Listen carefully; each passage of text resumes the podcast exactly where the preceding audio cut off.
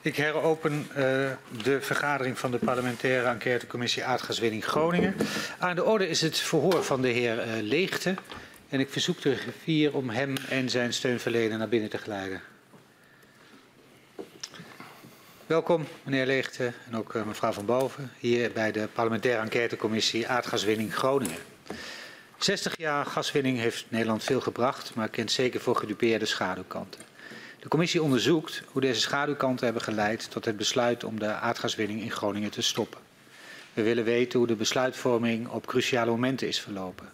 Hoe private en publieke partijen hebben samengewerkt bij de gaswinning. We onderzoeken de aardbevingen en de ontwikkeling van kennis daarover. De afhandeling van schade veroorzaakt door de bevingen en het proces van het versterken van gebouwen in Groningen. Uh, meneer Licht, u bent uh, Kamerlid geweest voor de VVD. Ook in de periode van de beving bij Huizingen en, en wat daarna uh, zich allemaal uh, voor heeft gedaan. Uh, u wordt gehoord als getuige. U heeft ervoor gekozen om de belofte af te leggen en daarmee de waarheid en niets dan de volledige waarheid te zullen zeggen. En ik verzoek u daarom om even te gaan staan. En mij na te zeggen, dat beloof ik. Dat beloof ik. Dan staat u nu onder Ede. Mag u weer plaatsnemen. Het verhoor met u wordt afgenomen door mevrouw Kuik en mevrouw Van der Graaf. En uh, mogelijk dat mevrouw Kapman op het einde ook nog enkele vragen heeft. Ja. Dan gaan we beginnen. Meneer Leegte, u was lid van de Tweede Kamer voor de VVD in de periode van oktober 2010 tot maart 2015. En vanaf december 2010 bent u woordvoerder op het dossier van de gaswinning in Groningen. In januari 2015 legt u uw woordvoerderschap neer en in maart 2015 besluit u ook uw Kamerlidmaatschap neer te leggen. Ja.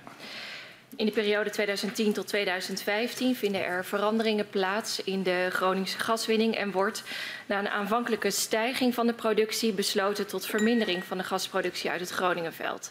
Ook de Tweede Kamer speelt daarbij een rol.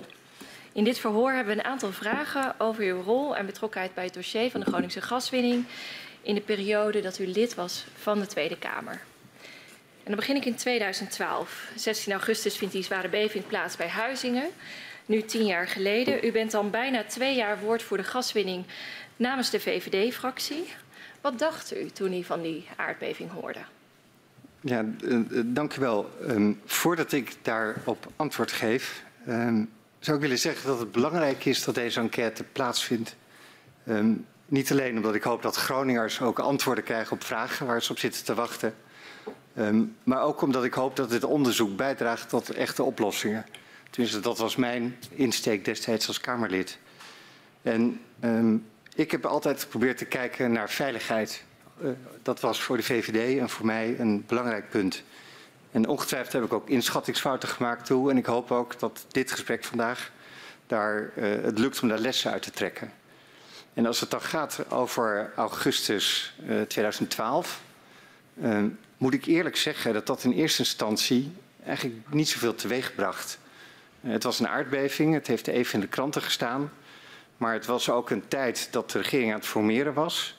En dat er eigenlijk in de Kamer niet heel veel uh, op dat moment over gebeurde. Ik denk dat het inzicht van de betekenis van Huizingen is eigenlijk ja, als een, uh, uh, de chroniek van een aangekondigde ramp, zou je kunnen zeggen. Had u de beving wel meegekregen op dat moment? En de beelden die daarvan waren? Van nee, ik heb het wel meegekregen. Nee, ik heb familie in Groningen, mijn familie komt daar weg.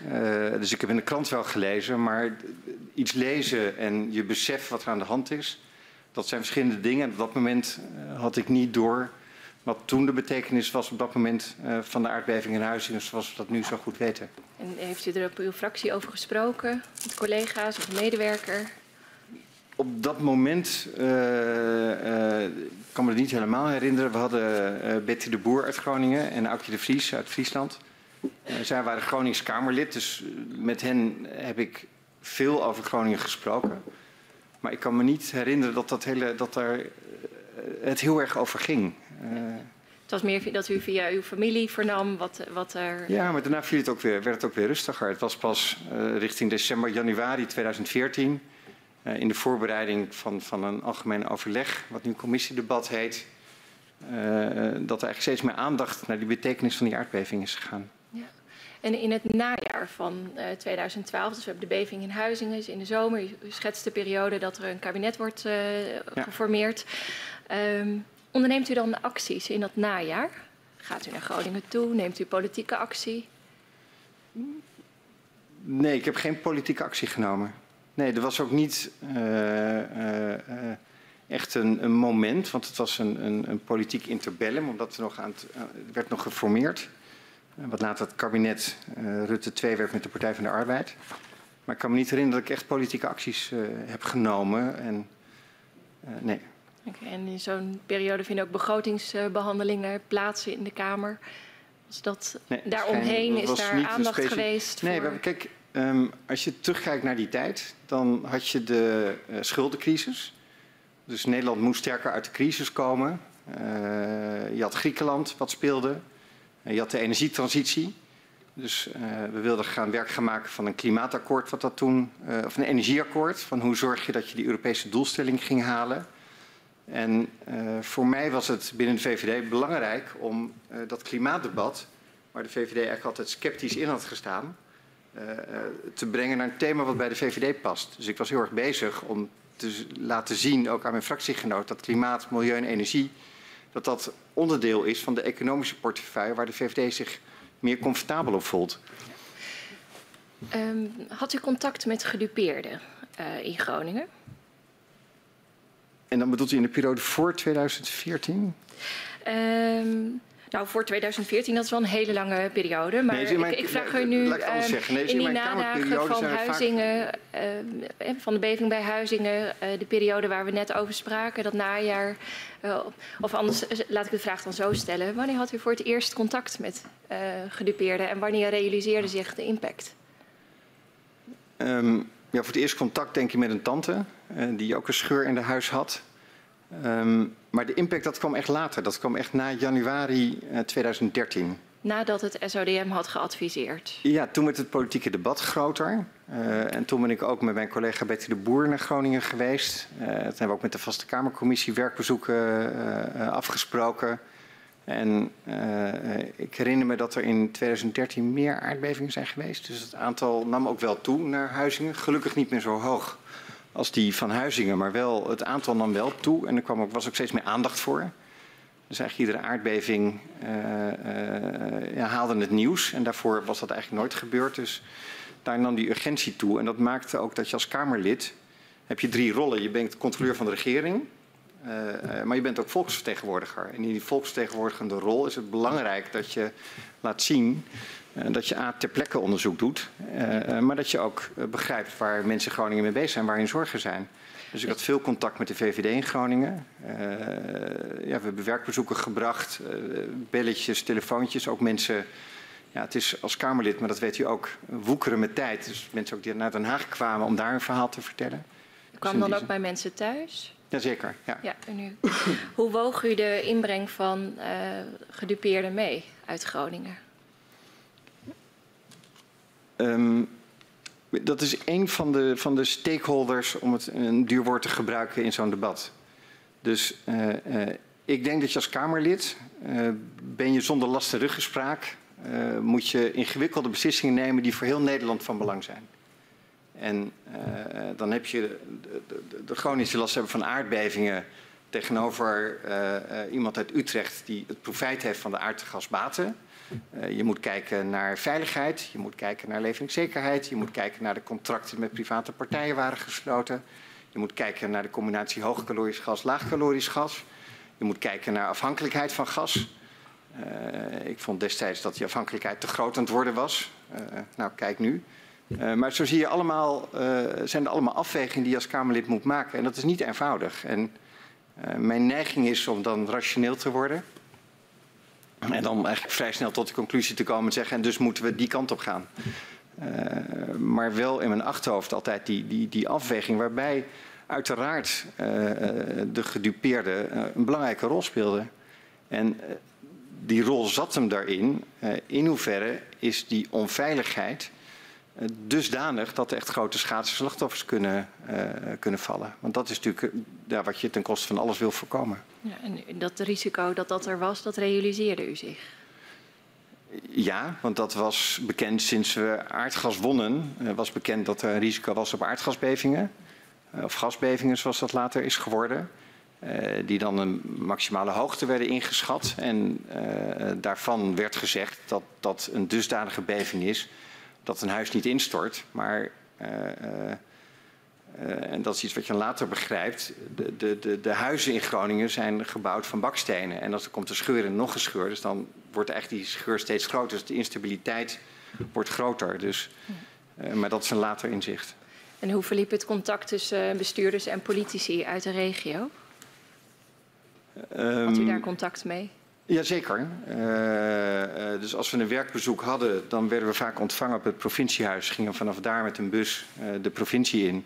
En dan eindigden we weer op het provinciehuis, vaak ook om daar een soort persmoment te organiseren. Ik had veel contact met uiteraard VVD-bestuurders, zowel wethouders in Loppersum als in Uskwart als in de hele provincie, als de bestuurders van de provincie zelf, de commissaris van de Koning, spraken we. Omdat zij natuurlijk belangrijke stakeholders zijn, ja, met wie je wil spreken om informatie te krijgen wat er speelt en ook wat het gevoel is in Groningen. En of ook ook te toetsen of de, de ingewikkelde boodschap en beslissing die jij moet nemen, of dat ook uh, begrepen wordt. Uh, hoe jij als VVD probeert integer te handelen. Nou gaf u al aan, um, eigenlijk kwam die urgentie goed naar voren in 2013, het begin. Ja. Um, staatstoezicht op de mijnen komt dan ook met het ja. rapport om uh, zo snel als mogelijk is naar beneden te gaan met de gasproductie. Ja. Uh, minister Kamp die besluit op 25 januari 2013 om de gaswinning nog niet verder terug te brengen en uh, een hoop onderzoeken in te zetten. Ja. De Kamer die uh, debatteert in februari voor het eerst hierover. Wat vond u van het besluit om de gaswinning niet naar beneden te brengen en eerst onderzoeken te doen? Nou, ik begreep dat geluid, dat, dat, dat besluit van Kamp. Kijk, als Kamerlid, uh, uh, maar zeker ik ook als persoon, is het ontzettend ingewikkeld om om te gaan met zo'n zo moeilijk rapport. Ik ben geen seismoloog, uh, ik snap dat niet. Dus moet je uitgaan van mensen die dat wel kunnen snappen. Mm -hmm. En tot dan toe had de SODM nog nooit eigen onderzoek gedaan naar seismiek. Dat werd altijd gedaan door KNMI, TNO en door NAM. Die deden ook eigen onderzoeken. Dus wat ik als Kamerlid probeer te doen als je zo'n ingewikkeld rapport voor je krijgt, om te achterhalen uh, wat daarin staat, wat de betekenis daarvan is. En dan uh, spreek ik al die mensen. Ik had veel contact ook met de TU Delft, ook via mijn collega Paulus Jansen, om te snappen wat er gezegd wordt. En in dat rapport, wat ook in de brief van Kamp staat, zijn er drie, zoals men dat herinnert, conclusies waar iedereen het over eens was. Mm -hmm. Het aantal aardbevingen is toegenomen. Een zwaardere aardbeving dan 3,9 is mogelijk of kan niet meer worden uitgesloten. Uh, uh, en er kan geen uitspraak gedaan worden over de maximumsterkte. Dat waren conclusies waarvan iedereen zei dat kan. En dan waren er nog vijf conclusies, waaronder zo snel en zo hard mogelijk naar beneden brengen, waar de anderen het niet over eens waren. Omdat ze zeiden, ah dat weten we niet. Uh, waar interpretatieverschillen enzovoort. In ieder geval was daar veel gedoe over onder de experts. Mm -hmm. En dan moet ik als Kamerlid een afweging maken, wat doe ik dan? Uh, in het debat wat daarbij komt, leveringszekerheid, hoogcalorisch, laagcalorisch gas, de contracten met partijen die je moet openbreken enzovoort. En uh, uh, toen heb ik mijn oor vooral te luisteren gelegd naar de experts die altijd onderzoek gedaan hebben, KNMI, TNO, NAM, TU Delft. Um, en gezegd, we moeten wel zo onderzoek gaan doen. Dus ik heb ook in dat commissiedebat, zoals dat nu heet, een motie ingediend samen met mijn collega Vos. Om te zorgen dat er stappen worden gezet om te kunnen afbouwen en die weg in te slaan zonder te zeggen dat moet nu gebeuren. En bovendien vond ik ook uh, ja, de laatste zin van dat uh, rapport in die brief. Die zegt dat de SODM zich realiseert dat er grote maatschappelijke impact heeft, het rapport. Uh, dat er groot risico is. Want uh, het onderzoek van de SODM onderbouwt deze stelling. En voor mij had dat een zeker wij van WC eend gehaald. Want ja, ik doe onderzoek. Ik zeg, dit moet je doen en daarom is het waar. Dus ik, dat is een, een cirkelredenering. Maar dus al met wel, al vond ik die... die ik, ik ben benieuwd, van, het is wel de toezichthouder uh, die dit advies geeft. Klopt, ja. Waar het ook gaat over het veiligheidsbelang. Ja. Dus hoe heeft u dan dit advies van het SODM, de toezichthouder, gewogen... Um, ten opzichte van het besluit van de minister? Nou ja, dat was ook niet eenvoudig. Um, uh, nogmaals, omdat ik als persoon uh, uh, natuurlijk niet snap wat er gezegd wordt in zo'n rapport. Dat kan ik helemaal niet beoordelen, ben ik niet mm. voor opgeleid. Dus probeer ik dat uit te zoeken bij experts. Ja. En als alle experts zeggen, die vijf conclusies, die delen we niet. Nee. Dan is de vraag van, ja, één zegt het wel, de rest zegt het niet. Wat is dan waarheid? En dan denk ik van, nou, dan moeten we uitzoeken. Je moet dan onzekerheid verminderen. Tenminste, dat is mijn uh, uh, aanpak. Mm -hmm.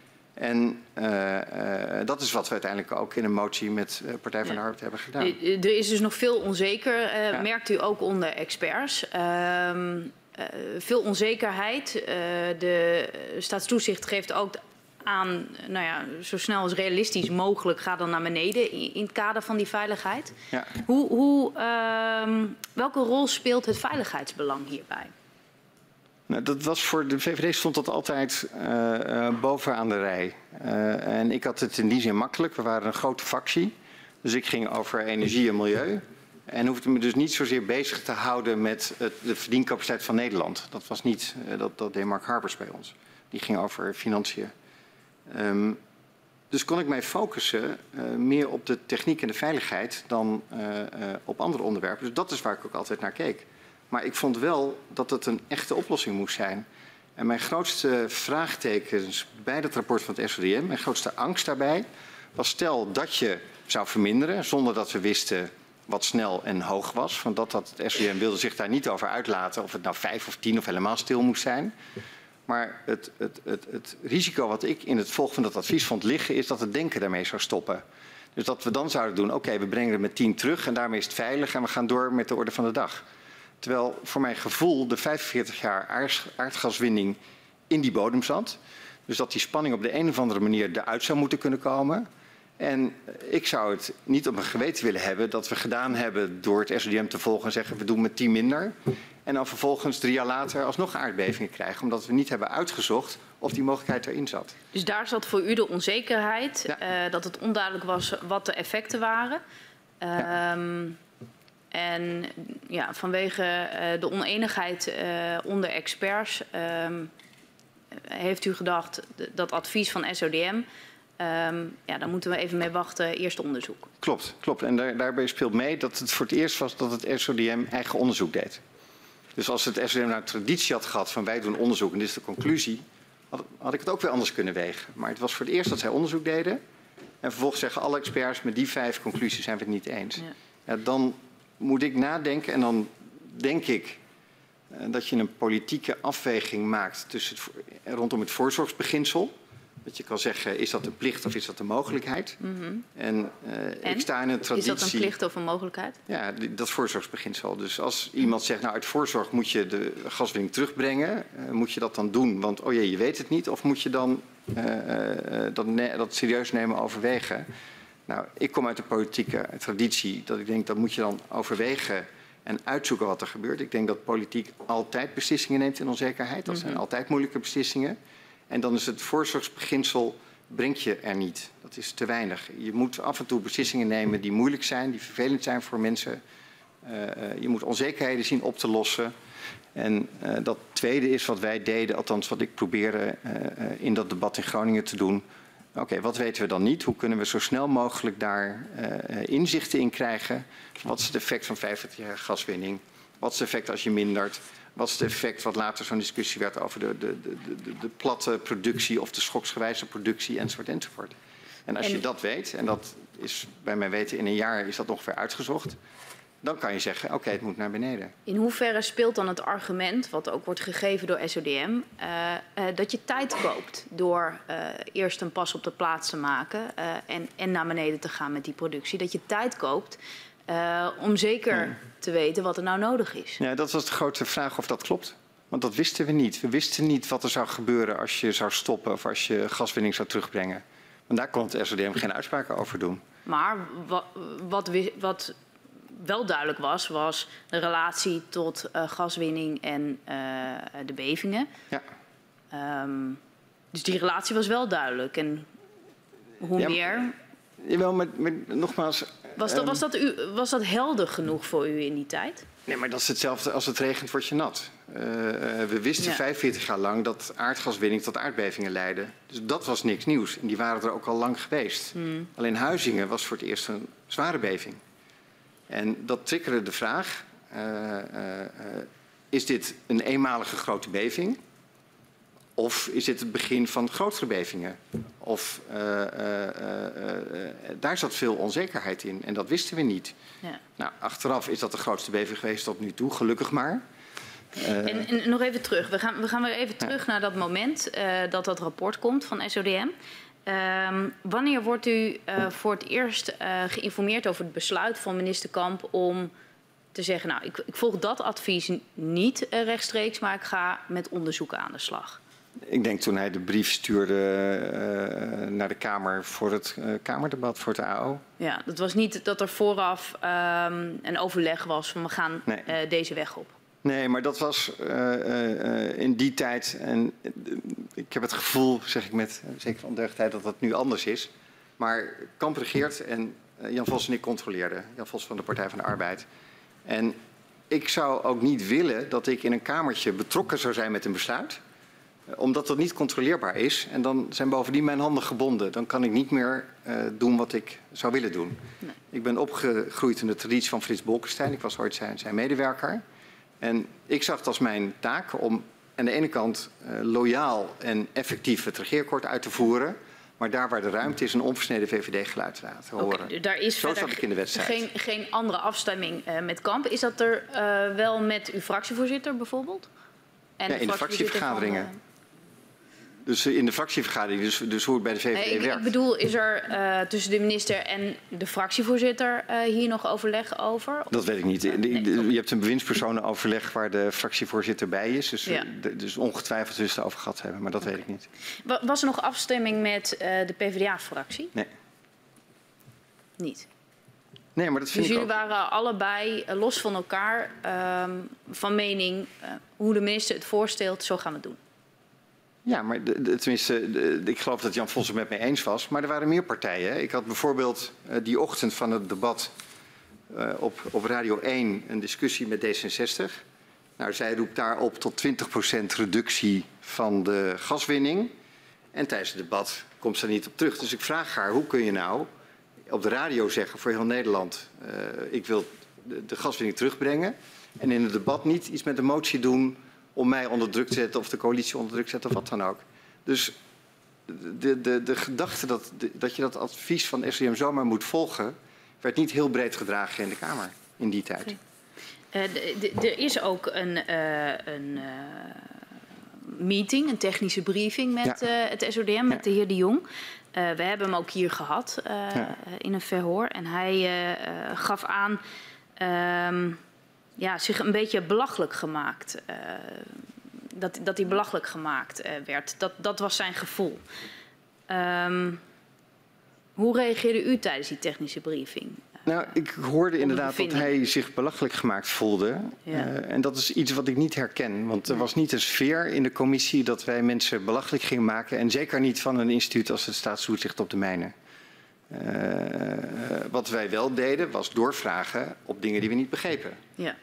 En dat zat hem, denk ik in mijn geval, uh, uh, van hoe kan het dat vijf van de acht conclusies niet gedeeld wordt door KNMI, TNO, TU Delft enzovoort. Ja. Omdat ik dat zo weet, omdat daar voor mij uh, de spanning in zit. En op de vraag, ik geloof dat mijn collega Vossi stelde, hoe ver moet het dan terug en wat is snel, mm -hmm. kwam ook geen concreet antwoord op. En dan wordt het een soort slippery slope van ja, wat, wat moeten we dan met de waarde? Want dan moet ik dus ineens als politicus een, een, een getal gaan noemen om de gaswinning terug te dringen. En nogmaals, ja, ik heb één medewerker en ik had een halve beleidsmedewerker, we waren een grote fractie, maar dat kunnen wij natuurlijk nooit overzien. Dus je bent dan afhankelijk van het advies. Dus in die zin was het advies onvoldragen. Wat, wat was uw inzet um, uh, voor dat debat?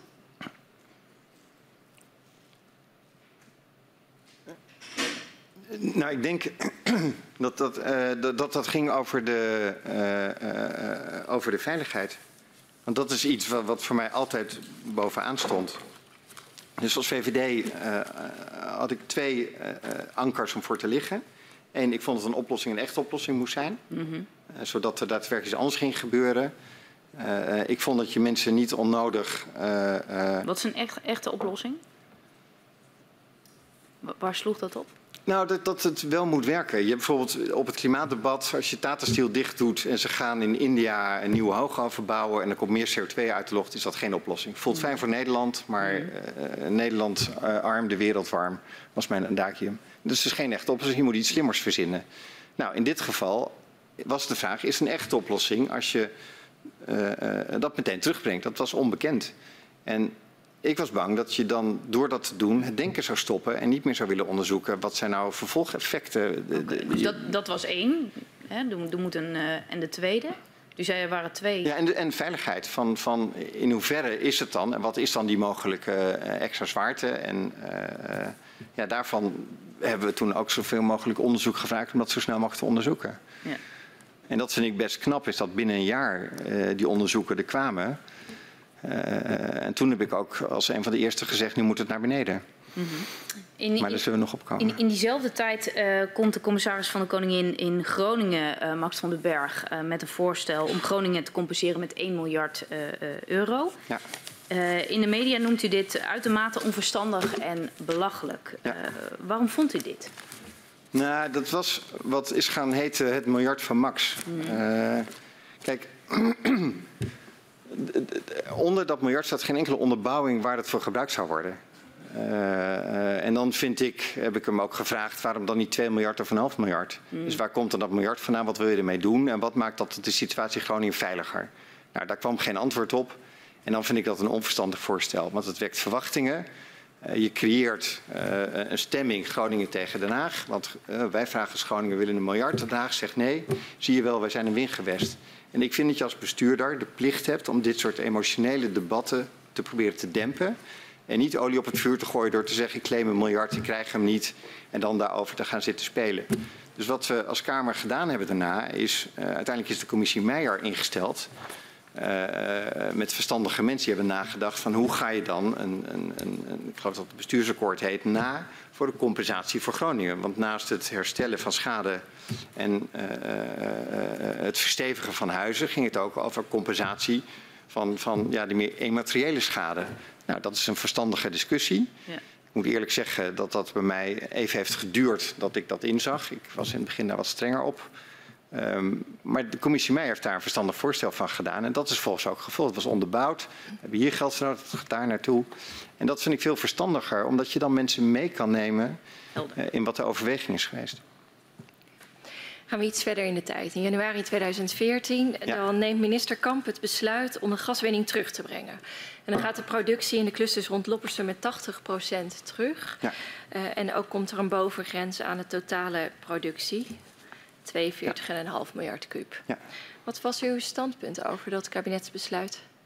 Nou, dat is wel interessant, want namelijk de week voor dat kabinetsbesluit heb ik in de Telegraaf laten optekenen dat uh, volgens de VVD de gaskraan dichter moet.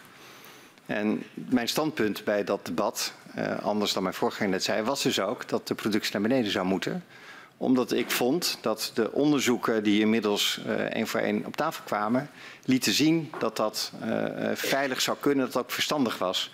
Het was niet alleen een, een, een, verstandig besluit omdat het zou kunnen, maar ook omdat je dan een vlakke productie zou krijgen, de veiligheid zou verbeteren en het zou helpen, dacht ik, in het creëren van rust in Groningen, zodat Groningen ook zou zien, wacht even, er wordt daarna serieus naar ons geluisterd en die gaswinning gaat naar beneden. En uh, we gaan dingen echt oplossen en we gaan zorgen dat de boel weer op orde komt in Groningen. Maar dat was uiteindelijk ja, de insteek altijd. Ja.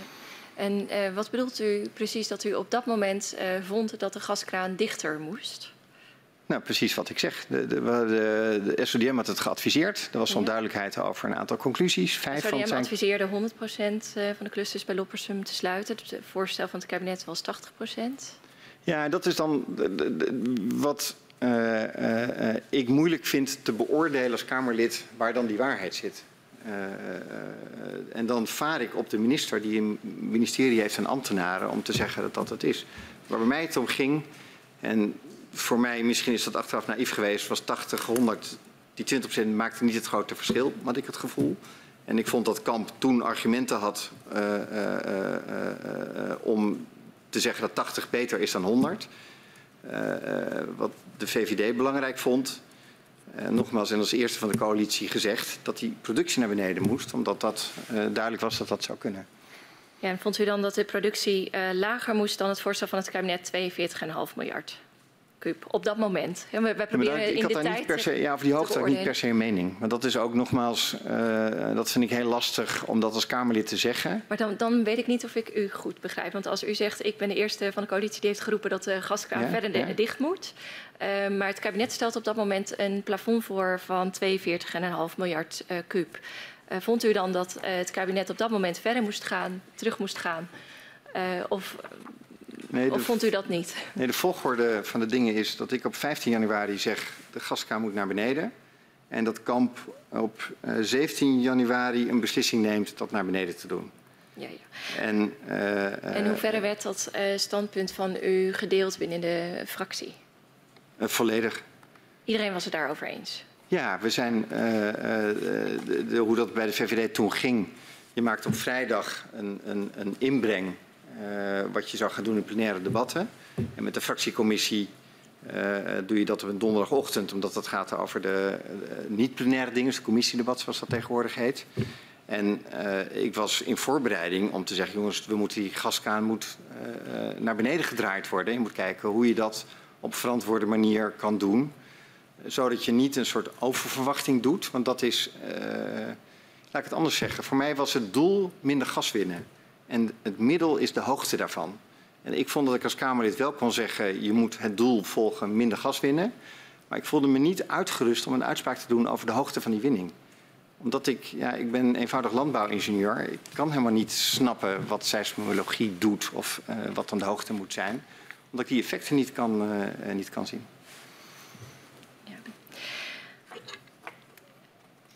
Was het echt zo dat uw fractie dat op dat moment uh, deelde? Was u, waren zij meegenomen in dat u dat op dat moment in de Telegraaf uh, liet optekenen? Ik weet niet of iedereen dat even goed weet, maar ik weet wel dat. Uh, als dit een commissiedebat van AO was, dan is dat in de fractiecommissie besproken, dus niet plenair. Dus het zou kunnen dat niet de hele fractie dat, dat zou weten, dat zou kunnen. Ja. ja. En. Um, uh, het is niet zo dat, dat u de fractie overviel op dat moment met die uitspraak in de Telegraaf. Um, ja, ik denk dat u doelt op de Partij van de Arbeid. Uh, um, want daar was een uh, klein incident. Um, de partijleider van de Partij van naar Loppersum gaan. En zou daar willen aankondigen dat zij vinden dat de gaskraan naar beneden moest. En ik had die ochtend met de Telegraaf gesproken en gezegd dat ik vond dat het naar beneden zou moeten. En daarmee was dus een afspraak die uh, op hoog niveau gemaakt was, uh, doorkruist. Uh, omdat ik op eigen houtje alvast mijn boodschap had gezegd die ik in dat algemeen overleg daarvoor had moeten zeggen. Dus ik denk dat u dat bedoelt, hè? Nee, ik doel eigenlijk uh, op het eh, punt... U geeft net uh, de volgorde in de tijd aan, hè? Dus ja, u, u ja. laat iets optekenen in de Telegraaf... en pas later verschijnt de brief van de minister. Dus het kabinetsbesluit, laat ik hieruit af, moest eigenlijk nog genomen worden. Klopt, ja. Dat, ik denk een dat dat, voor de muziek vooruit, of, of begrijp ik dat verkeerd? Ja, ja, en dat vond uw fractie prima? Ja, ik weet dat af en toe vaker. Kijk, het, het, het, op zich de boodschap en de richting was niet uh, anders dan uh, was VVD zeiden. We moeten kijken naar de veiligheid, je moet kijken naar echte oplossingen, je moet beloftes doen die je kan waarmaken. Ja. Had u hierover contact met kabinetsleden? Nee. Met niemand? Nee. Niet met de minister van Economische Zaken? Nee. nee. Was u ervan op de hoogte, uh, zoals uit het verhoor met de heer Dijsselbloem naar voren kwam, dat in dat jaar er juist vanuit financiën uh, was aangedrongen om het niveau op 42,5 te zetten en niet op 40 zoals de minister van Economische Zaken graag had gezien? Nee, dat vond ik wel interessant om te horen. Omdat dat voor mij wel verklaarde uh, uh, de spagaat van onze coalitiepartij. Omdat zij in Groningen iets anders in de wedstrijd zaten, maar eigenlijk nooit dat tot een besluit lieten komen. Kunt u dat uitleggen? Want dat... Nou, kijk, als je. wat ik zei, ik vind als je dingen in het openbaar zegt, uh, als Kamerlid, uh, op de radio aankondigt, ik vind minder aardgaswinning, zoals D66 in dat debatje voor het SODM, dan moet je in de Kamer dat waarmaken. Dan moet je een motie indienen of in ieder geval zeggen, Maar dan kan je het niet negeren in het debat. Dan, dan, dat vind ik een soort laffe politiek. En uh, bij de Partij van de Arbeid proefde ik wel een soort spagaat. Dat aan de ene kant mijn collega Vos heel erg wilde dat die gaswinning naar beneden ging. Maar aan de andere kant beet hij daar nooit op door. En uh, toen ik het hoorde inderdaad dat voor met Dijsselbloem toen werd me dat wel duidelijker. Maar ik denk dat hij ook niet echt contact heeft gehad met Kamerleden. Tenminste, dat was toen niet de cultuur. Ja. Of met bewindspersonen, maar dat, uh, dat weet ik niet. Vond er afspraak, uh, afstemming plaats tussen fracties? Nee. Hierover? Nee, wat een regeerakkoord. En uh, wat ik zeg, ik, ik zat in de traditie dat ik vond dat ik als Kamerlid het regeerakkoord loyaal moest uitvoeren en voor de rest een onversneden VVD-geluid moest laten horen. Dus ik stemde het af binnen de fractie, met fractiecommissies. Nou, Groningen was, was steeds meer een dossier waar veel mensen over mee gingen kijken. Wat ook heel fijn is, want dan krijg je input van collega's en wordt er alleen maar beter van. Uh, maar ik ging niet met de Partij van de Arbeid uh, van tevoren afstemmen. Nogmaals, dat kan achteraf bij een debat. Kan je kijken, uh, ja, hoe kunnen we dingen eventueel samen doen. Maar dat hoeft er niet vooraf, wat mij betreft. Okay, en dat debat uh, vindt dan vervolgens plaats uh, op 5 februari van dat jaar. Um, wat zag u als belangrijkste uitkomst van dat debat?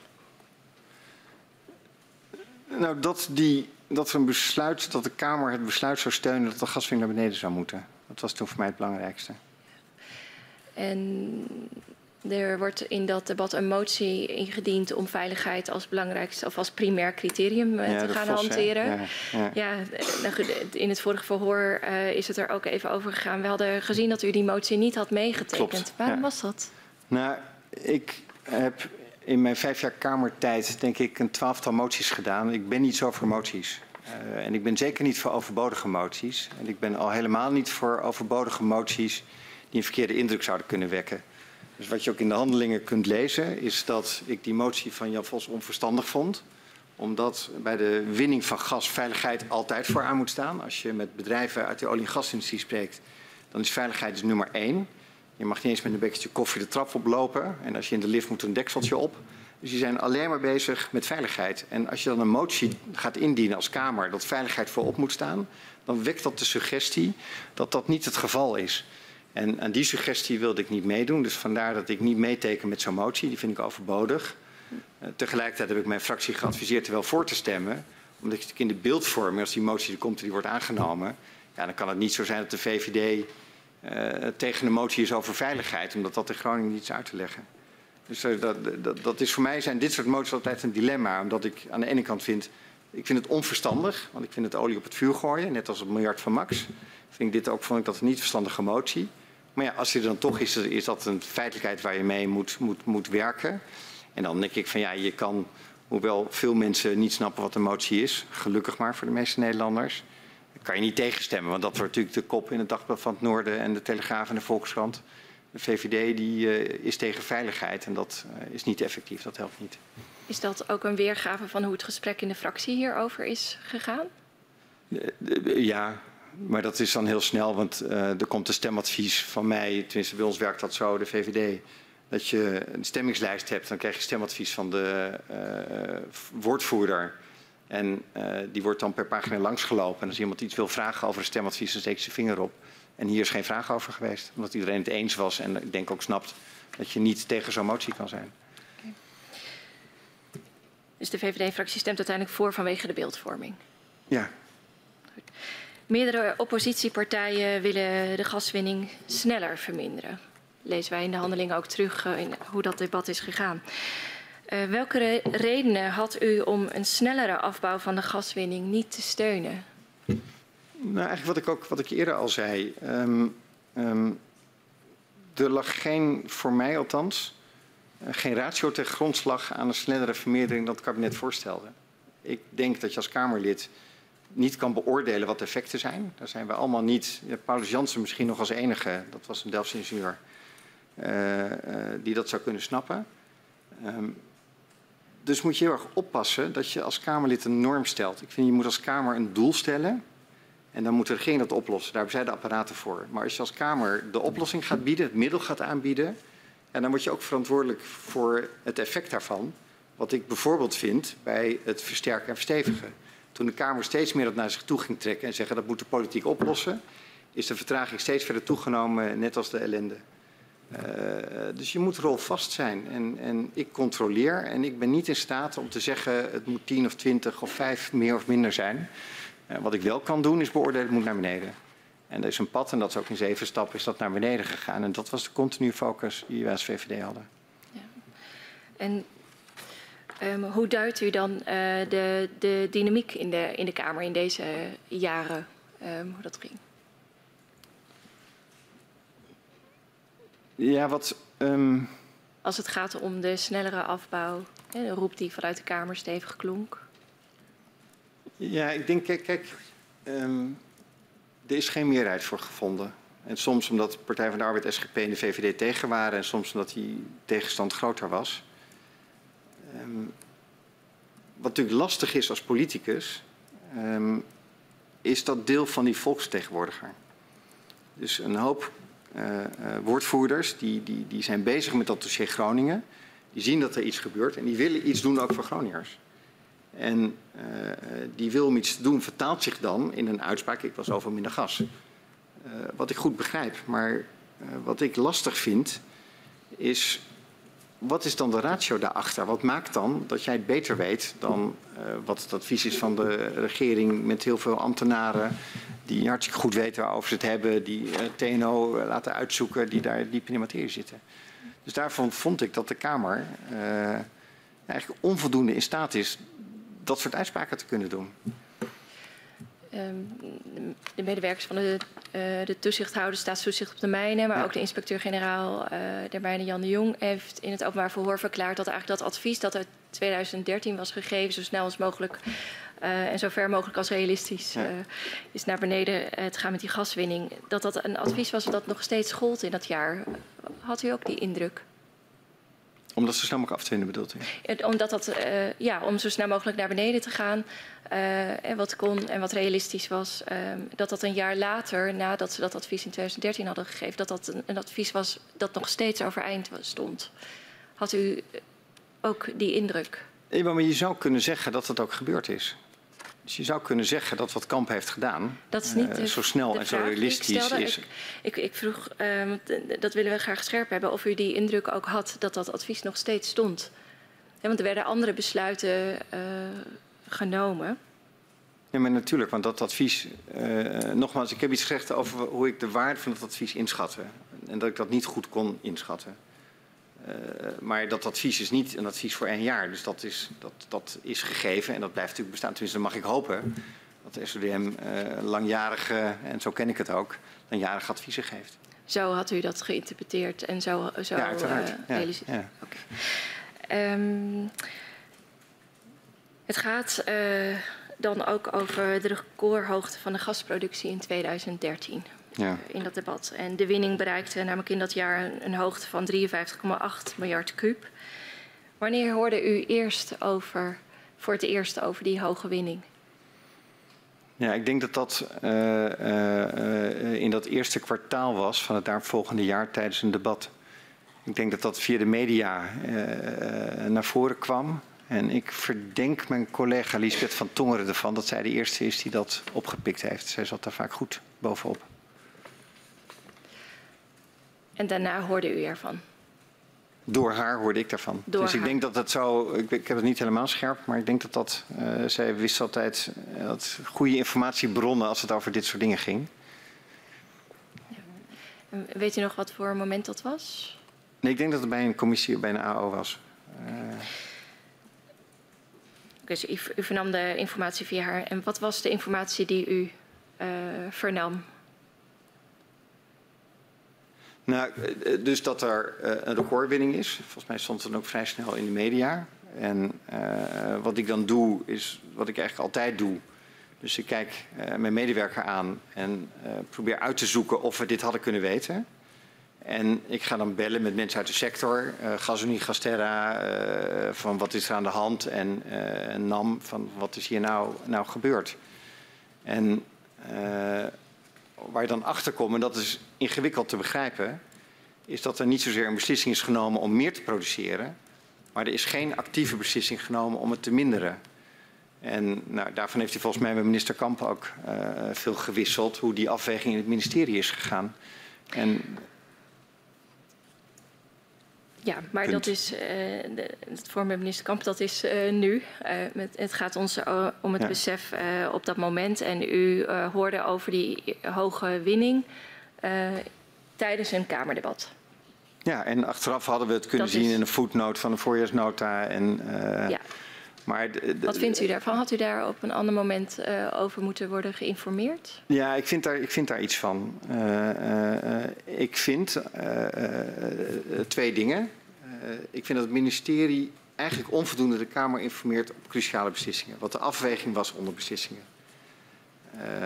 en dat is hier een van de dingen van, van. Er zijn geluiden geweest van. Ga nou alvast terugbrengen.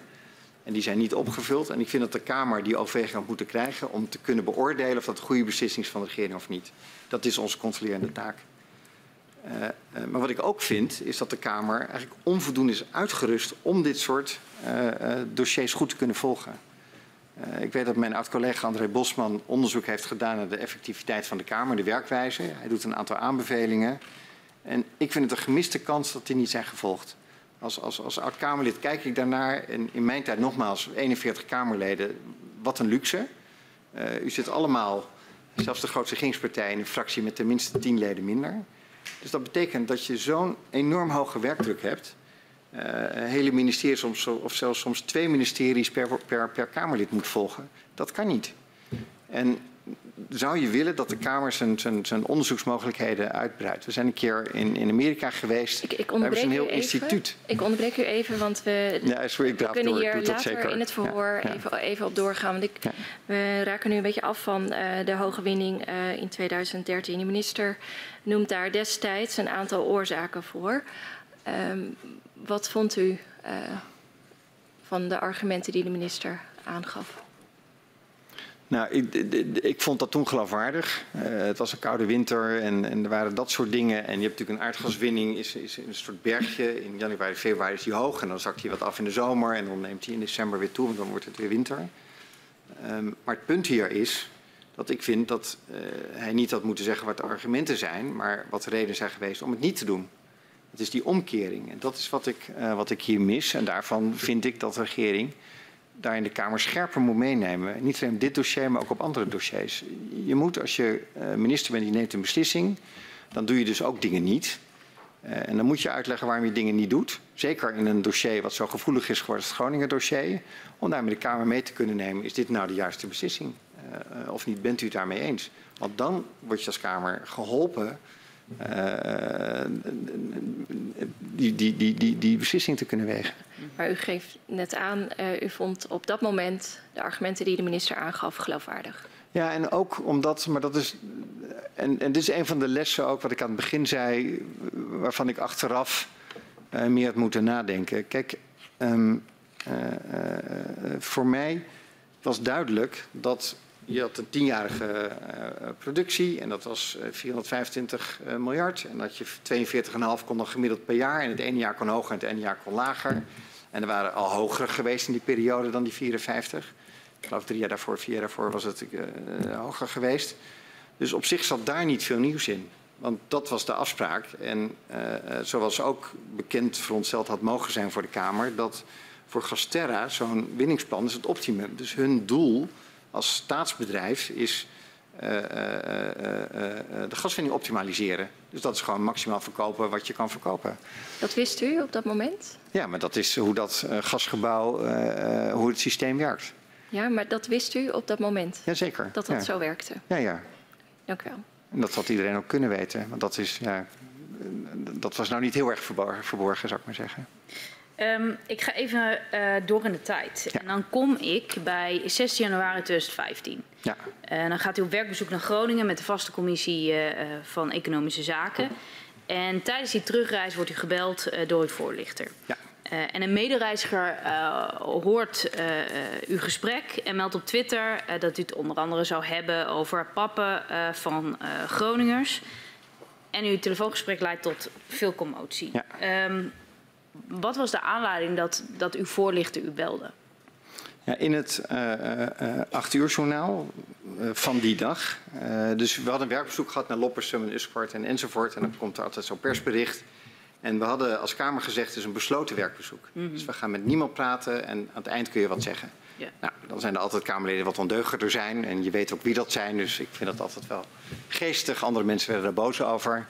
Maar uh, ik had eigenlijk niet zoveel zin om daarna in de media nog iets te zeggen, omdat ik vond dat ik niet heel veel nieuws had te, te, te melden, anders dan mm uh, uh, ja, dat het verschrikkelijk is voor Groningers. Dus yeah. we waren daarbij in huis van een familie, dat zou ik niet snel vergeten. Um, maar goed, ik stapte in de trein naar huis, mm want ik moest de volgende dag het eerste slechtziende verkiezingsprogramma van de VVD in ontvangst nemen in Utrecht. Dus ik wilde me daarop voorbereiden. was ochtends vroeg in een instituut. Ja. En, uh, dus ik zat in de trein, uh, schreef wat dingen uit die ik geleerd had om mij voor te bereiden ja, dan belt u voorlichter. gaswinning. Mijn voorlichter belt vlak voor Amersfoort, waar ik woon. Uh, dat was tien over acht, schat ik in. Dus ik loop vast naar buiten in het tussenportaal. En hij vertelt dat Jan Vos scenario's, onderzoeken wil laten doen om de gaswinning terug te dringen. En ik zeg tegen hem, uh, dat ik dat onverstandig vind. Want we weten dat die gaswinning terug moet. Dus je moet niet nog meer onderzoeken gaan doen. Want dat leidt alleen maar tot vertraging. Uh, terwijl de koers die is ingezet al duidelijk is. Je moet die gaswinning naar beneden draaien. Dat was het standpunt van de VVD al het hele jaar. En uh, nog een keer extra onderzoek voegde er niks aan toe. Ik denk nu misschien dat daar iets mee te maken heeft met de financiënkant. Maar was dat ook het voorstel wat de PvdA deed? Die deden een voorstel. Uh, uh, wil bekijken de winning in het gas terug kan worden gebracht. En hij wil dan scenario's uitwerken. Dat is wat Jan Vos zegt in dat, in dat onderzoek. En mijn voorlichter zegt dan, de, ze ja. willen onderzoeken doen. Ja. Dat is een soort fluisterspelletje, scenario's, onderzoeken. En u zegt dan naar uw voorlichting, ja, nog een extra onderzoek, dat is pap en nat Dat is pap en nat houden, daar geloof ik niet in. Want we wisten als VVD wat we zouden willen. En als je ook kijkt in alle debatten die ik heb gevoerd, uh, is ook allemaal dezelfde lijn. Het gaat om veiligheid. Dat moet echte veiligheid zijn. Het gaat om, kunnen we uh, de gaswinning terugbrengen? Dus het eerste debat op het rapport van het SODM, dat ging over zorg nou dat je voorbereidt op het terugbrengen. Nou, die lijn is, is, is. Dit, dit was dus ook niet afgestemd met u? Nee, maar de, de, de, dat hoeft coalitie. ook niet. Ik vind Jan Vos heeft zijn eigen verantwoordelijkheid. Wat vond u van de timing? Ja, ik vond dat iets wat ik aan het begin ook wel gezegd Ik vind het heel moeilijk als Kamerleden uh, dingen gaan beloven als we net in een gebied als Groningen zijn, zonder dat ze dat concreet maken. Hmm. Dus ik had het beter gevonden, of ik zou zelf, zoals ik in de Telegraaf heb gedaan, dat moet naar beneden, punt. Uh, zonder voorwaarden, dan dat je iets gaat zeggen wat voorwaardelijk is en met onderzoek en dan vervolgens daar eigenlijk weinig uh, opvolging aan geeft. Nou, dan zegt u tegen uw voorlichter, uh, nou laat me niet verstandig, ja. dit is pap en nathou weer een onderzoek. Op welke manier is het naar buiten gekomen? Ja, er zat iemand van Fossielvrij Nederland in dat tussenstukje. Dat is een actiegroep die tegen fossiele energie is en tegen de VVD. Die hoorde dat telefoongesprek, maar die hoort natuurlijk alleen maar mijn kant van het verhaal. Mm. En hij heeft in een Twitter-reeks heeft hij ervan gemaakt uh, dat ik met mijn meerdere sprak. Suspens Henkamp of de fractievoorzitter of iemand anders. Uh, uh, en heeft een interpretatie gegeven aan die tweets. Ja. Nou, die interpretatie is vervolgens overgenomen door journalisten. Uh, uh, die journalisten belden naar voorlichting van de VVD. Mm -hmm. En daar ging een voorlichter zeggen: uh, Ja, meneer Leegt heeft spijt van zijn belletje in de trein. Ja. Alsof klopte wat ik zei. Nou, dat maar, is later... Wanneer kwam u erachter, deze, deze ophef? Ja, dat was pas zondagmiddag. Want uh, ik ben niet een hele grote twitteraar. Uh, ik vind dat dat afleidt. En zondag dan wil ik ook mijn gezin hebben. En ik was al veel weg. Mm. Dus wij gingen ontbijten met z'n allen. Ik ging naar Utrecht naar dat, verkies, of dat verkiezingsprogramma voor doven in ontvangst nemen. En ik denk dat het nu over twee was. dat we na de lunch met allemaal mensen daar... Want ik vind ook dat je niet Kamerlid meteen weg moet hollen. Een boek in ontvangst nemen dan weg. Dus ik bleef daar ook een tijdje. En toen deed ik om twee uur mijn telefoon open en die was echt ontploft. Ja. Er waren alleen maar appjes van, van collega's. En, uh, en dan is het twee dagen verder. En ja, nou ja wat, er dan wat heeft u gedaan om dat, dat ontstaande beeld dan te corrigeren? Nou, er zijn dan twee dingen. Dus eigenlijk doordat voorlichting zei, Leegt heeft spijt zonder mij te consulteren, is er een beeld neergezet dat ik spijt heb. Ja. En dan is de meest moeilijke afweging. Um, gaat het over jou of gaat het over de inhoud? En ik vind dat het gaat over de inhoud.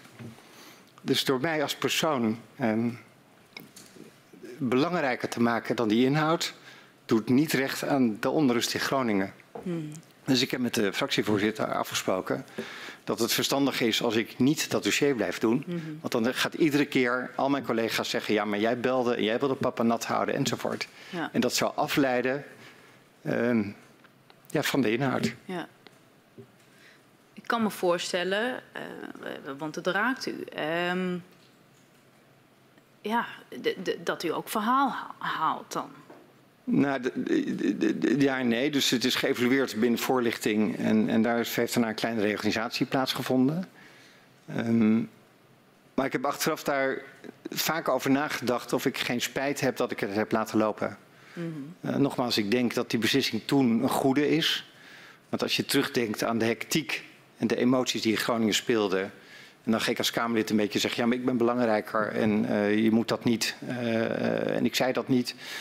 Uh, dat doet geen recht aan de ernst. En voor mij was eigenlijk ook het belangrijkste gedaan. Want het was duidelijk dat die, die, teruggang van de gaswinning erin zat. Dat is ook in zeven stappen verder doorgezet. Dus daar zat voor mij de winst. En bovendien, André Bosman heeft het overgenomen. Dat is een uitstekend Kamerlid. Dus die heeft dat heel goed gedaan. Dus ja, dat is hoe dingen lopen. heb ik er spijt van? Ja, een beetje, maar eh, zou ik het op dezelfde manier weer doen? Ik ben bang van wel. Omdat ik denk uiteindelijk um, dat dat het beste is geweest voor de discussie rondom Groningen. Oké, okay. dank. Dit speelt allemaal in, uh, het, in de allereerste maand uh, van 2015, ja. in januari. Um, we weten ook uit het uh, vorige verhoor met uh, de heer Vos dat dat ook best wel een spannende tijd was rondom uh, besluitvorming, ook in contacten tussen de coalitie over, hoe, nou ja, over het besluit dan. Um, dit speelt ook allemaal in de aanloop richting de verkiezingen voor de provinciale staten. Is dat nog een dynamiek die meespeelt in deze tijd? Nou, ik denk ja. Uh, uh, dat ik me terug heb getrokken speelt zeker mee. Omdat je, uh, als er geen verkiezingen waren geweest, provinciale statenverkiezingen, had het misschien nog anders kunnen gaan. Dan zou je tijd hebben om het uit te leggen en dan zouden mensen het vergeten en begrijpen. Uh, als je als Kamerlid geen incidentje hebt gehad, heb je niet geleefd, zou je kunnen zeggen. Um, maar het werd wel spannender. Want met name onze coalitiepartner Partij van de Arbeid stond onder druk bij die verkiezingen. Uiteindelijk heeft de VVD daar ook gewonnen in Groningen. Uh, dus we hebben daar kennelijk toch wel iets goeds gedaan, denk ik dan. Uh, dus dat zat zeker een zekere spanning. Ja, ja. We spraken net al even over de informatievoorziening. Ja. Um, als er iets heel duidelijk is, is dat het Groningen dossier heel complex is. Het gasgebouw is complex, de dynamiek is complex, het krachtenveld. Uh, er is uh, veel uh, informatie beschikbaar. Maar hoe heeft u uw kennis als woordvoerder vergaard?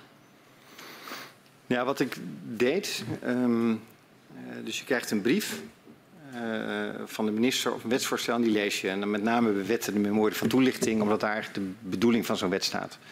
En dan volgens ga ik nadenken wie raakt dit. En dan bel ik stakeholders op waarvan ik wil weten hoe zij in de wedstrijd zitten. Uh, dat zijn bedrijven en NGO's. En er zijn heel veel stakeholders die naar je toe komen. Uh, die zeggen, u gaat het hebben over windenergie, kunnen we niet, uh, of is het niet een goed idee, enzovoort. Nou, dat zult u waarschijnlijk in de praktijk ook meemaken, dat mensen je actief bellen. Dus ik had die twee lijnen van eigen onderzoek doen. En het ongevraagde advies van mensen die een betrokkenheid hadden bij zo'n dossier. Um, had u contacten ook met spelers in het gasgebouw? Jazeker, ja. M met welke actoren? ja, ik denk met allemaal, ja. Met allemaal? Ja, dat denk ik wel. Ja, als je niet met hun contact hebt, snap je ook niet wat er gebeurt. En kunt u het specificeren? Uh, ik had contact. Wat zegt u? Met welke partijen u dan contact had? Uh, ik had contact met GasUnie, uh, EBN, Gasterra, Shell, Exxon. ik denk dat ze, ik allemaal gehad heb, NAM natuurlijk. En met wie sprak u in de regio? Om goed voeling te houden met wat er speelt? Ja, dus dat was verschillend. Dus dat was met uh, mijn collega Betty de Boer, die uit Groningen kwam. En Aukje de Vries maakten we uh, met z'n drieën, met z'n tweeën toertjes. Uh, we hadden contact met de gemeenteraad en de Provinciale Staten in Groningen en in Uskort en Loppersum. dus we hadden met VVD'ers die, die, die daar actief waren, hadden we veel contact. wat vindt u van de kennispositie van de Tweede Kamer als geheel? Ja, onvoldoende. Dus uh, wat ik net probeerde te zeggen, uh, mijn collega André Bosman die heeft een rapport geschreven om die kennispositie te versterken. Ik vind het in alle bescheidenheid met de afstand die ik nu heb echt doodzonde dat de Kamer niet de kans heeft gegeven zijn positie te versterken. Ik geef u te doen zoals u er met z'n allen zit en dan moet u ook nog deze parlementaire enquête doen. Dat betekent dat als iemand uit de fractie weer minder is die niet de dossiers kan volgen, om het allemaal te volgen. En uh, ik heb zelf als Kamerlid, was ik ondervoorzitter van de Vaste Kamercommissie Europese Zaken, daar werd het systeem van rapporteur ingesteld. Zodat je op de griffie kan leunen om een aantal moeilijke Europese dossiers voor te bereiden. Dat werd dan door één Kamerlid werd dat dan naar binnen gebracht. Ik denk dat is een minimumvorm van hoe je als Kamer je, je, je, kennispositie kan versterken. Maar ik zou willen dat je dat of ad hoc. Met collega Paulus Jansen we uh, met de KNW ontbijten met professoren georganiseerd. Als we een moeilijke vragen hadden, we nodigden een aantal professoren uit om ons te laten voorlichten over het onderwerp. Dat ging dan over integratie van windenergie. Uh, maar allebei natuurlijk de energiediscussie een beetje technisch.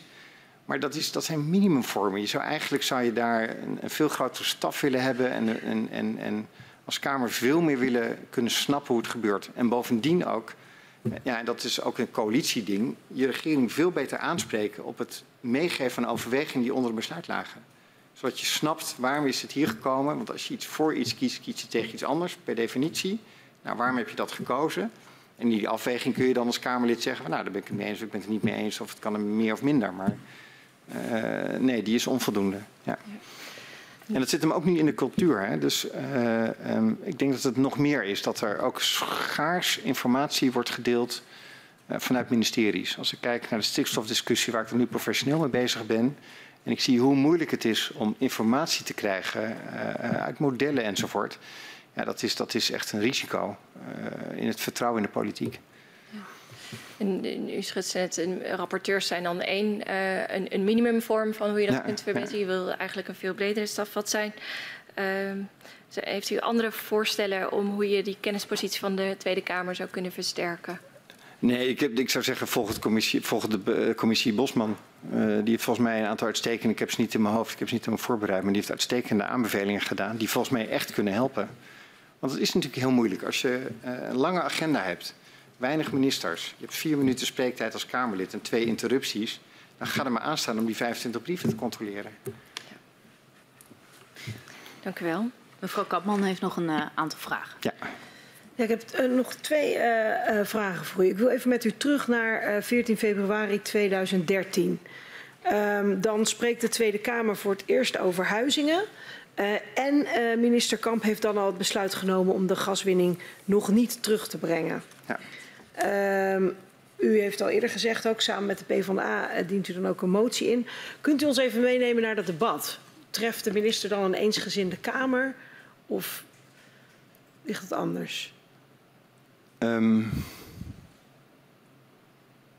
ja, dat is uh, uh, ja eensgezind, want de meerderheid was voor de minister. Um, maar je had in die tijd natuurlijk twee grote partijen. Partij van de Arbeid, VVD, die samen de coalitie vormden en een groep van zeven, acht Kamerleden die oppositie voerden. Ja, in het beeld zijn natuurlijk acht woordvoerders, dan tegen en twee voor.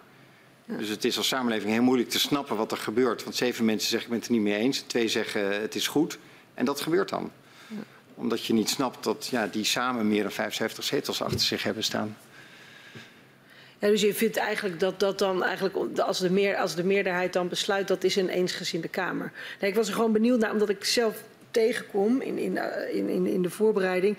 Dat dat, ik vind het juist een beetje een gepolariseerde Kamer al heel snel. Want er wordt een besluit genomen um, um, om de gaswinning nog niet terug te brengen. Er wordt voor het eerst over huizingen gesproken. Uh, en eigenlijk um, ja, sta, staan de partijen meteen tegenover elkaar op dit dossier. Of is dat niet uw beeld geweest? Nou, ik weet dat niet helemaal. Kijk, ik weet wel uh, alle eer aan, aan Lisbeth van Tongeren, die steeds een hele rechte koers heeft gehad wat zij wilde. Maar ik denk dat andere partijen daar helemaal niet zo standvastig in waren. Wat ik zei, ik had die ochtend een debatje op de radio met D66, die in het debat zelf geen terugdringen van de gaswinning voorstelt. Dus ja, dat was misschien polarisatie, maar ik denk ook dat het nog heel erg zoeken was van wat ieder standpunt was. Ik denk veel meer dat er verwarring was. Het was voor het eerst dat Groningen echt op de agenda stond. Dus in 45 jaar, uh, ik denk na de pauze, dat was de eerste keer. Toen was het eigenlijk business as usual tot Huizingen. En toen eigenlijk pas februari, een half jaar na Huizingen, dat het een belangrijk debat werd. En ik denk dat iedereen aan het zoeken was, wat is mijn positie? Uh, in een dossier wat technisch heel ingewikkeld is. En dan ligt het voor de hand dat je als Kamerlid uh, echt naar je eigen, uh, op je eigen sterkte terugvalt. En dat is dan kijken naar je kiezers. En dan krijg je een soort verwarring van ja, is, is het maken van gebaren naar kiezers, leidt dat ook tot goede oplossingen, zodat er daadwerkelijk die veiligheid in Groningen verandert. En dat is als je volgens mij terugkijkt naar het debat kijkt, is, is dat wat er toen speelde. Ik kan me niet herinneren, we hebben nog steeds ieder jaar eten we met elkaar heel erg gepolariseerd zal het niet zijn geweest. Nee, meer bedoel ik gepolariseerd in de zin van er waren partijen die meteen vonden hop, gaswinning terug, vroeg SODM en partijen die achter die onderzoeken stonden. En, en ik kom een beetje tegen dat het zich tegen die twee lijnen aftekent, maar u zegt dat licht genuanceerder. Ja, en dat heeft er denk ik ook mee te maken dat de grote discussie was natuurlijk de klimaatdiscussie. Dus hoe dring je CO2 terug? En uh, ik denk Partij van de Dieren, GroenLinks, die zaten heel erg op het terugdringen van fossiel, meer windenergie meer zonne-energie enzovoort. Biomassa was toen nog gaaf. Uh, dus ik denk dat die lijn er veel meer in zat dan, dan, dan, uh, dan een andere. Dan heb ik nog één vraag voor u. U zei toen we het hadden over de, grote, over de hoge gaswinning in 2013... Van ja, dan ga je gelijk eigenlijk bellen met allerlei partijen. Ja. Van hadden we het kunnen weten? En u zei dan, ja, ik bel Gasterra. Waarom belt u dan Gasterra? Ja, omdat zij het gas verkopen. En waarom belt u dan niet GTS? Omdat zij transporteren. Dus wie weet dan volgens u beter? Ja, ik heb ze allebei gebeld, maar okay. de, de, de, GTS verkoopt het gas, dus die weten precies hoe dat zit. NAM die produceert het in opdracht van Gasterra.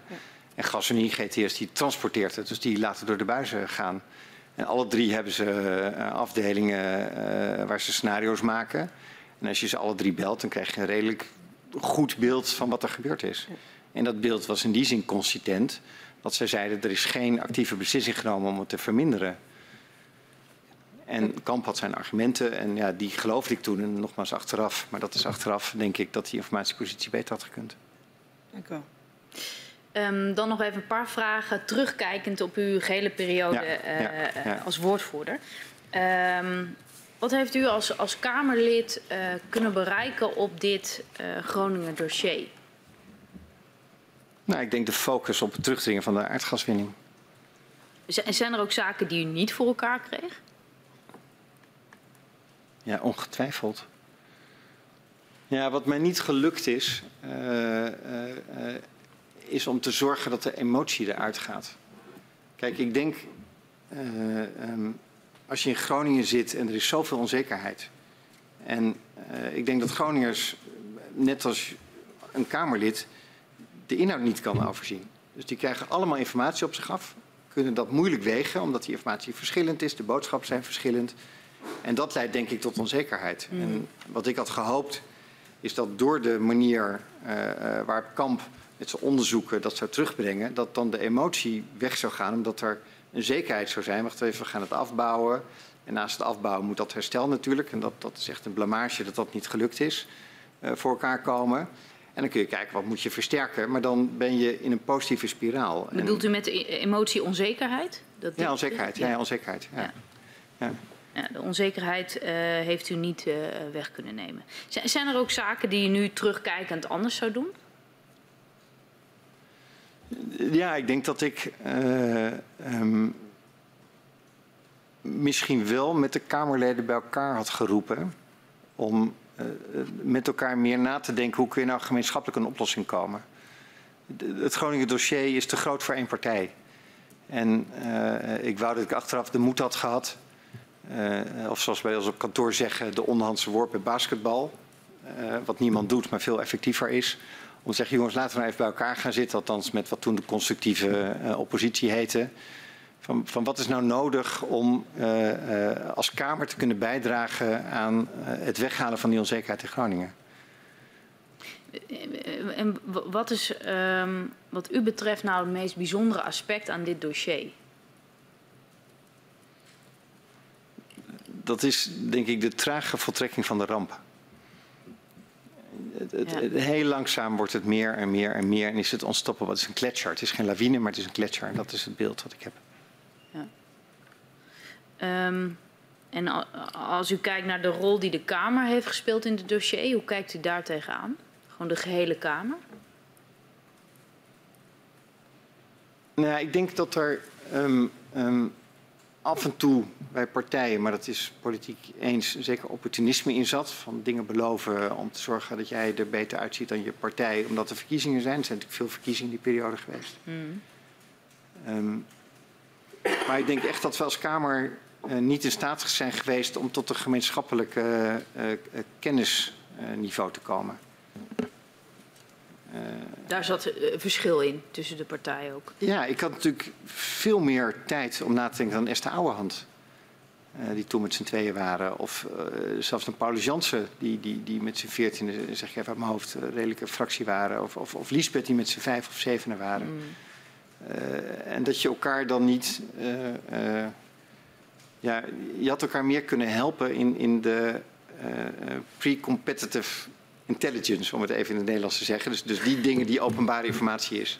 Dus waar je allemaal hetzelfde mee hebt, wat alleen maar beter maakt als je dat deelt. Ja. Uh, en dat, dat, vind ik achteraf vind ik dat jammer, omdat je zeker bij een dossier Groningen uh, had dat geholpen. in plaats van, en, en, en dat ben ik inderdaad met mevrouw Kapman eens, een zekere polarisatie vanuit ieder stokpaardje. Dus de een ging over de emotionele schade, de ander ging over de winning, de ander ging daarover. En dat gaf een heel verwarrend beeld. Mm dat heeft bijgedragen aan de verwarring en de ja, denk ik, denk ik achteraf. Ja, ja. Wat heeft de Kamer um, als geheel weten te bereiken? Dat is even de positieve formulering van mijn vorige vraag. Nou, ik denk eigenlijk uh, uh, uh, dat vooral Henk Kamp heeft weten te bereiken dat zijn blauwdruk is uitgerold. Dus in die zeven stapjes gaan naar een vermindering en uiteindelijk wiebes die zijn voor nul. Mm -hmm. Uh, en ik denk dat de Kamer. Um, maar dat is eigenlijk ook een beetje na mijn periode geweest, want in 2015 stopte ik ermee. Kijk, wat ik. Uh, is het overnemen van de herstel en versterken van NAM en de partijen die daarvoor eigenlijk aan de lat stonden. dan kan je zeggen dat heeft de Kamer voor elkaar gekregen, maar ik denk dat achteraf gezien een fout is. Je ziet hoe meer de overheid zich ermee bemoeide, hoe groter de vertraging en hoe groter de ellende. Natuurlijk met dat uh, subsidiedebakel in dit voorjaar als, als, als dramatisch dieptepunt. Ik denk dat je als overheid dat niet kan. Daar ben je niet voor uitgerust. Als je, als je uitrekent hoeveel schadegevallen er zijn. Uh, ik geloof dat het 2000 zijn uh, op een gegeven ogenblik. Nou, als ieder schadegeval één uur duurt, ben je een manjaar, werkjaar bezig met alleen maar het, de intake van zo'n schade. En dan moet het nog gerepareerd worden ook. Dus dat is dat is enorm. En Wie kan dat wel? Want u zegt de overheid is er niet voor uitgerust. Nou, ik denk dat de overheid uh, uh, partijen moet uh, laten. is de overheid die moet de opdracht geven, of die moet een, een, tender uitschrijven, of wat dan ook, dat er een organisatie komt die zegt: wij kunnen dat. zoals Manpower mensen kan inhuren en, en Tata Steel staal kan maken, heb je ook partijen die schades kunnen herstellen. ik denk dat je dat soort partijen had moeten tenderen, of opdracht moet geven, zorg dat die schade hersteld wordt. En, uh, uh, want de overheid met al zijn intekenen, die moeten weer zorgvuldig zijn. Dan wordt het beleid weer veranderd. En dan mag je dit weer en dan mag je het zo weer niet. En dan verandert de regel. Ik herinner me uh, dat er ook een opleidingsprogramma was. Ik, ik, ik, ga nog wel even terug naar de vraag van wat heeft, wat heeft de Kamer als geheel weten te bereiken? Maar als ik u zo hoor, komt daar geen antwoord. Nou ja, daar, dit, ik, kan niet, niet, ja, niet, ik denk dat er veel bereikt is. Concreet dus, nee. waarvan u zegt, dit heeft de Kamer weten te bereiken. Nee, dat denk ik. Dat nee. denk ik. Ik denk dat we eigenlijk te tandeloos zijn geweest. Ja. Ja. Okay. Dank. Dank voor uw medewerking. We hebben geen vragen meer aan u. En eh, ik verzoek de griffier om u en mevrouw van Boven naar uh, buiten te geleiden. Nou, excuses voor de lange antwoorden. Het zou een uurtje duren, maar... Uh... Nou, ietsje langer. Tot ziens. Goed. Tot ziens.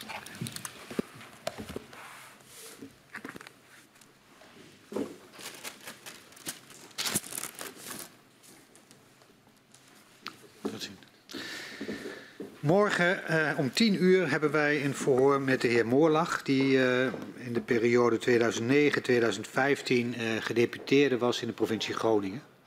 En voor vandaag sluit ik de vergadering.